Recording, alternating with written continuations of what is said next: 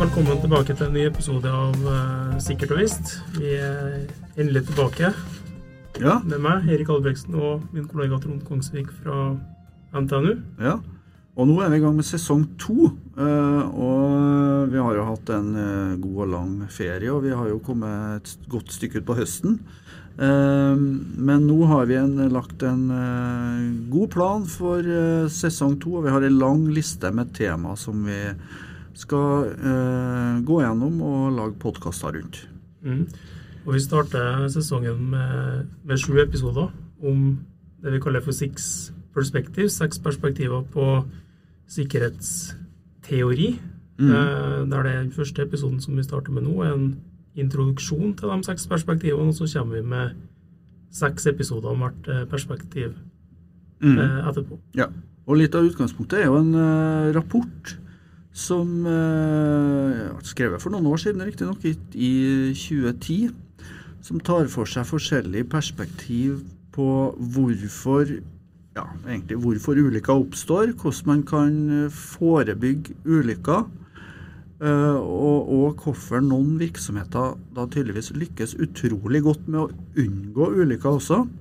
Så det er jo et ja, kan du si, organisatoriske perspektiv på hvorfor ulykker oppstår. Og vi har jo med oss en uh, gjest eh, som er hovedforfatter på den eh, rapporten der de her perspektivene blir presentert. Og det er da Ragnar Rosnes. Hei, Ragnar. Hei.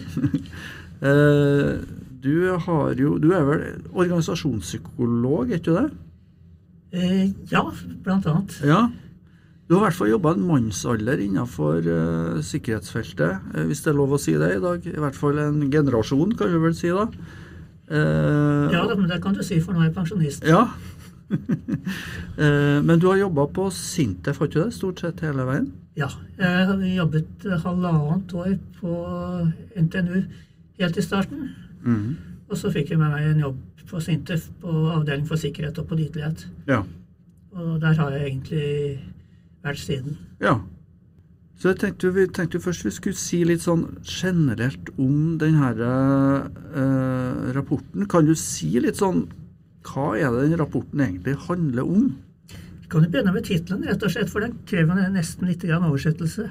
Mm. Altså, jeg begynner med perspektiver, ja, for det er det, er det greieste. Mm. Et perspektiv det er en synsvinkel. Mm. Så Mhm. Når jeg holder foredrag om det, så pleier jeg ofte å vise et lysark med tre forskjellige fotografier av Gaustatoppen. Ja. Et som er tatt på lang avstand rett sørfra, et som er tatt på kortere avstand rett østfra, og så et som er tatt kloss innpå liksom i bratthenget oppover til toppen. Mm. Og det, det illustrerer jo at når man skifter perspektiv, når man skifter synsvinkel, så ser man noe annet Mm. enn man ser i de andre perspektivene. Mm. Men det sier jo også noe om at hvis du har sett Gaustatoppen fra mange synsvinkler, mange perspektiver, mm. da har du mye bedre mulighet for å finne en god sti opp til toppen også. Mm.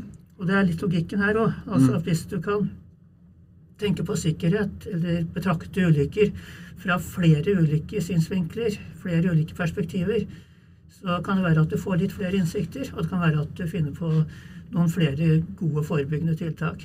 Mhm.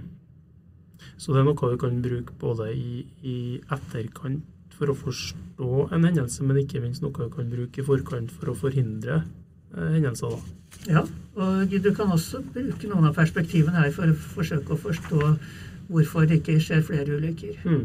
Jeg kan si litt om hva som ligger i organizational accidents, altså organisatoriske ulykker.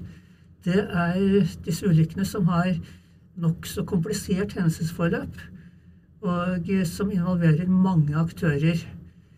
Eh, Og da er det ofte også store ulykker. Og det er en type ulykker som ofte opptrer i systemer hvor det er masse sikkerhetssystemer, barrierer og den slags. Det motsatte er jo en individulykke, sånn som når du skal parkere bilen, og så vimser borti bilen ved siden av, og så blir det en bulk. Mm. Det er, det er det er du og bilen som er involvert, og ikke så veldig mye mer. Mm. Og eh, resilient organizations, der er jo ordet resilient som kan være litt kronglete, for det har vi ikke på norsk, Mm. egentlig. Eh, motstandsdyktig, tilpasningsdyktig er et par ord som er i samme gata. Mm. Eh, jeg, jeg, jeg tenker med en gang på løvetann jeg, når jeg snakker om Mm. resiliens. Liksom, hvis du prøver å luke vekk løvetann, så sitter det alltid igjen av rota, og så Mm. spretter det opp en ny løvetann. Mm. hvis du prøver å ta løvetann med gressklipperen, så dukker opp en ny løvetann tre uker senere, og den er mye lavere sånn at den som heter under gressklipperen. Mm. Så det, det, det, det syns jeg er et greit bilde på Mm. resiliens. Det er jo en rapport her som vi bruker veldig aktivt i undervisninga vår. Så så det er jo en av grunnpakkene eh, våre studenter får. og ser jo da det er artig å se at de bruker det her veldig aktivt, spesielt når de skriver masteroppgaven sin, at de bruker et eller flere av de perspektivene som, som det teoretiske fundamentet. Så det lever nå videre, det du har uh, laga her i 2010. Det er veldig artig. Mm. Men du kan jo kanskje si litt om, eh, om hvert perspektiv, da. Vet du, nevnte her, Vi kan jo si, bare sånn, kommentere dem kort. Ja. eh, nei, for jeg tenkte jo det her energi-barriereperspektivet er jo det er jo et sånt Kall et grunnleggende perspektiv som handler om at uh, ulykker kanskje oppstår pga. at man uh, har svakheter i barrierer, eller uh, manglende barrierer som ikke klarer å fange opp energi som er på avveie. da. Det er vel egentlig det som måtte ligge grunnleggende Det er, det, er, det, som, det, er, det er det som er utgangspunktet. Ja. Så har det jo blitt uh, kommet litt forskjellige varianter av det, så noen varianter av barriereperspektivet legger jo vekt på hendelsesforløp i en ulykke. Mm. Og så ser man på er det ett ledd etter hendelsesforløpet hvor vi kan bryte et uønsket hendelsesforløp ved å sette inn en barriere. Ja. F.eks. hvis du får en gasslekkasje på en oljeplattform, kan du da bryte et hendelsesforløp i retning av en eksplosjon Mm. ved at du har stålkontroll på alle tennkildene. Mm. Mm. Sånn Ja. at den gassen ikke blir, blir antent. Det, det, er, en- det, det er en måte å tenke barriere på som Ja. er en vri, vri på det samme, egentlig. Ja. Og der har vi jo, vi skal jo komme litt inn på det i senere episoder, men der har vi jo kanskje den mest berømte modellen innenfor uh, sikkerhetstenkinga, nemlig Sveitserostmodellen, som eh, tar for seg da forsvar i dybden, og det at du ikke kanskje har bare én barriere, men at du har en rekke barrierer som gjør at hvis én av dem svikter, så er det en måte en annen barriere som måte kan fange opp den eh, energien på avveie. da. Men så har man jo også det her, det man kaller for normal accident-teorien, som ja, Historikken er vel på en måte at det er Man kan vel på en måte forstå det som et innlegg mot atomkraft.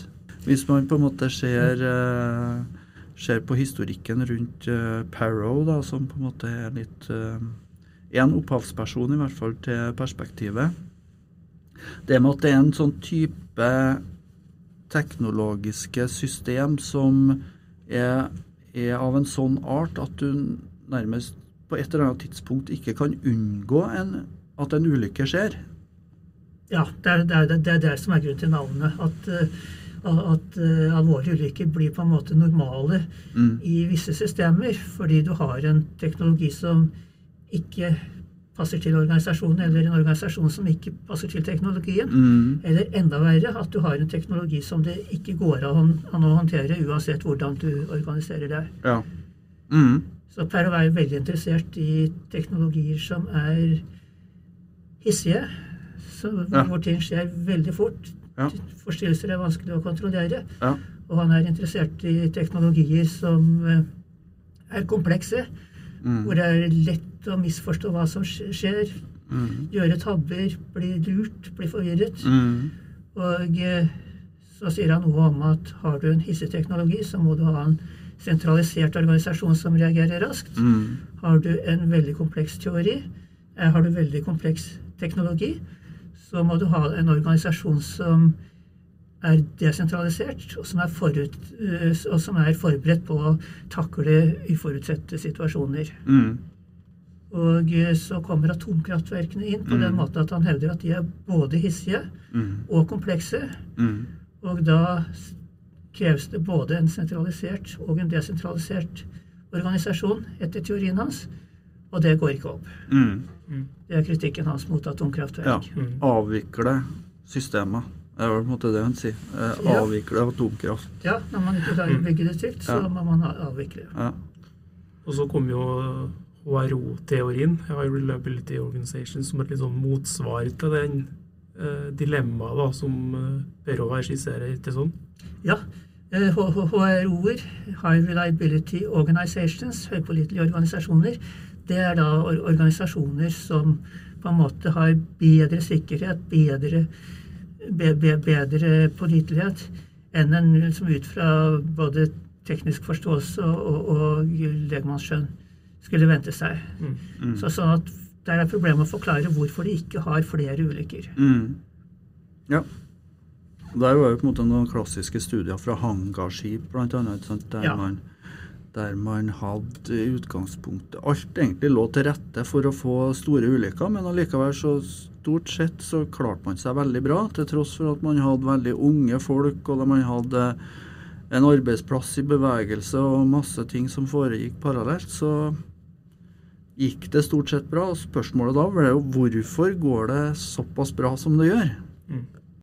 Men så har vi jo også et annet perspektiv som handler om informasjon. Altså, jeg kaller det gjerne for informasjonsperspektivet, men eh, man-made disasters-perspektivet er vel på en måte et annet navn på det. da. Men det sier vel noe om at informasjon ja, Det er jo egentlig ganske innlysende, men informasjon er viktig.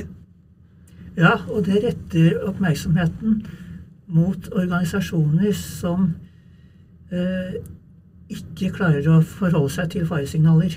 Ja. Mm. Det som viser seg ved den ene storulykken etter den andre, det er at det er nesten alltid noen som har varslet. Mm. Noen som har sett at her kan det skje en ulykke. Mm. Men så fanger ikke organisasjonen opp det signalet. Mm. Mm. Og der har vi jo eksempel på ulykker, bl.a. innenfor romfart, som eh, der det er på en måte veldig godt illustrert. Harry Turner, som, eh, som utviklet dette perspektivet, ha- ha- han eh, studerte flere hendelser, og et av dem var jo en, en, en hendelse hvor en veldig lang trailer Mm. skulle krysse en jernbaneovergang. Mm. Og den brukte så lang tid på å krysse jernbaneovergangen at selv om det var hvitt lys da han kom til overgangen, så ble det rødt lys. Mm. Ja. Og det kom et tog Oi, oi, oi. før han var over med traileren. Og eh, så viste det seg at uh, det var noen som hadde tenkt på at dette kunne skje. Mm. Men de satt ikke i den organisasjonen som uh, var ansvarlig for jernbaneovergangen. Mm. Mm. Og det er, det er jo typisk mønster Ja. som Tørne beskriver, at informasjonen klarer ikke å krysse organisatoriske grensesnitt. Mm. Og det, nå kjenner jeg igjen i veldig mange ulykker også de, senere årene. og det, det her er jo ikke noe som blir mindre aktuelt med IT-systemer og deling av informasjon i Utopine og Mm. e-post, eh, overflow osv. Så, Mm. så har vi snakka om fire perspektiver. og Det femte perspektivet er jo det her med målkonflikter og, og beslutningstaking. Det er Jens Rasmussen sine teorier det her er i stor grad er basert rundt. Ja, og eh, utgangspunktet der er jo at målkonflikter er noe, vi lever med hele tiden. Mm. Altså Når du kjører til jobben, så gjør du noen vurderinger av om du skal gasse på og komme raskt frem, eller om du skal ta det litt roligere og bruke litt lengre tid. Mm. Så allerede der har du en målkonflikt. Mm. Og eh, i næringslivet så er jo målkonflikter noe man lever med hele tiden. fordi for å overleve på et marked så må du enten produsere med mindre ressursbruk enn konkurrentene, Mm. eller du må ligge veldig langt frempå i teknologiutviklingen og ta sjanse på at du har en teknologi som virker. Mm. Så, så, så, så det betyr at målkonfliktene er der hele tiden. Mm. Og de dukker opp om igjen og om igjen i forbindelse med ulykker. Det siste perspektivet er jo, handler om resilience, som du var inne på. Du forklarte jo det her begrepet med løvetann. Syns jeg er et veldig godt bilde på hva resilience er. Men uh, resilience engineering er vel òg litt sånn hva skal jeg si, det er, vel av, det er vel kanskje det nyeste perspektivet, og på en måte et perspektiv som òg er under stadig utvikling. En måte å forstå det perspektivet på er jo at det er på en måte en eh, kan du si, Det tar jo inn over seg prinsipper og tanker, og fra mange av de andre perspektivene. Altså Man snakker jo om, øh, om barrierer, og man snakker jo om øh, målkonflikter også i, i, det perspektivet her. Men på en måte, hva vil du si er på en måte grunntankegangen i, i det her resilience engineering-perspektivet? Det er kanskje det at uh, en uh, må lære av det som går bra. Ja.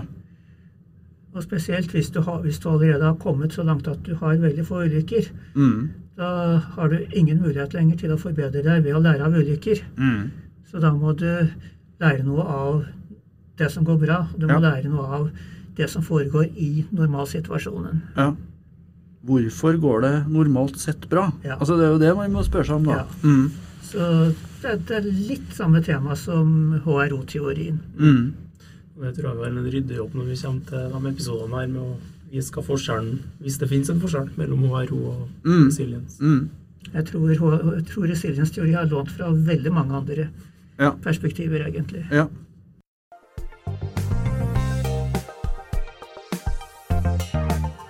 Nei, men Veldig bra. Da har vi hatt en liten sånn sveip uh, over de seks perspektivene, eh, som vi da skal gå i dybden på senere. Mm. Eh. Jeg lurer, lurer litt på altså, det, det er jo seks perspektiv, men hvorfor ble det akkurat de seks perspektivene her? Du, det startet med fem perspektiver. Og tallet fem var vel rett og slett fordi jeg tenkte at det var omtrent passe mye å holde i hodet på en gang. Mm. Eh, også da vi skulle revidere rapporten etter en tiårs tid, så var det som flere som brant for eh, eh, resilience engineering-perspektivet. Mm. Så da slapp vi inn det. Mm. Etter litt tvil og litt diskusjoner, fordi det var på en måte en sånn miks av andre perspektiver. Mm. Men det som er åpenbart, er jo at du kan alltid tenke på et nytt perspektiv. Mm. Så man må, må ikke tenke på dette her som et sånt lukket system, at nå har vi liksom klemt alt som har med sikkerhet å gjøre, inni disse seks perspektivene og ferdig med det. Mm. Og Mm. eh, hvis jeg skulle skrive rapporten om igjen i dag, da hadde Ja. jeg kanskje tatt med et perspektiv som går på sikkerhet og makt. Mm. Ja. For det, det, det ser vi jo blir veldig aktuelt, ikke minst eh, i lys av det som skjer i arbeidslivet nå, at stadig flere jobber uten å være i et normalt regulert arbeidstakerforhold. Ja. Og vi ser det brukes mer vikarer. Mm. Så det er nok mange som opplever avmakt i arbeidssituasjonen. Mm.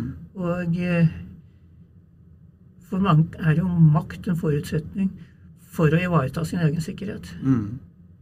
Ja, Veldig interessant. For du ser det jo i mange si, bransjer, næringer. Eh, eh, vi hadde jo de her eh, dykkerulykkene ute på Hitra Frøya, der de som dykker etter kamskjell. Der man òg hadde organisert det sånn at man har, dykkerne var enkeltmannsforetak. Og knytta til et driftsselskap som var en båt.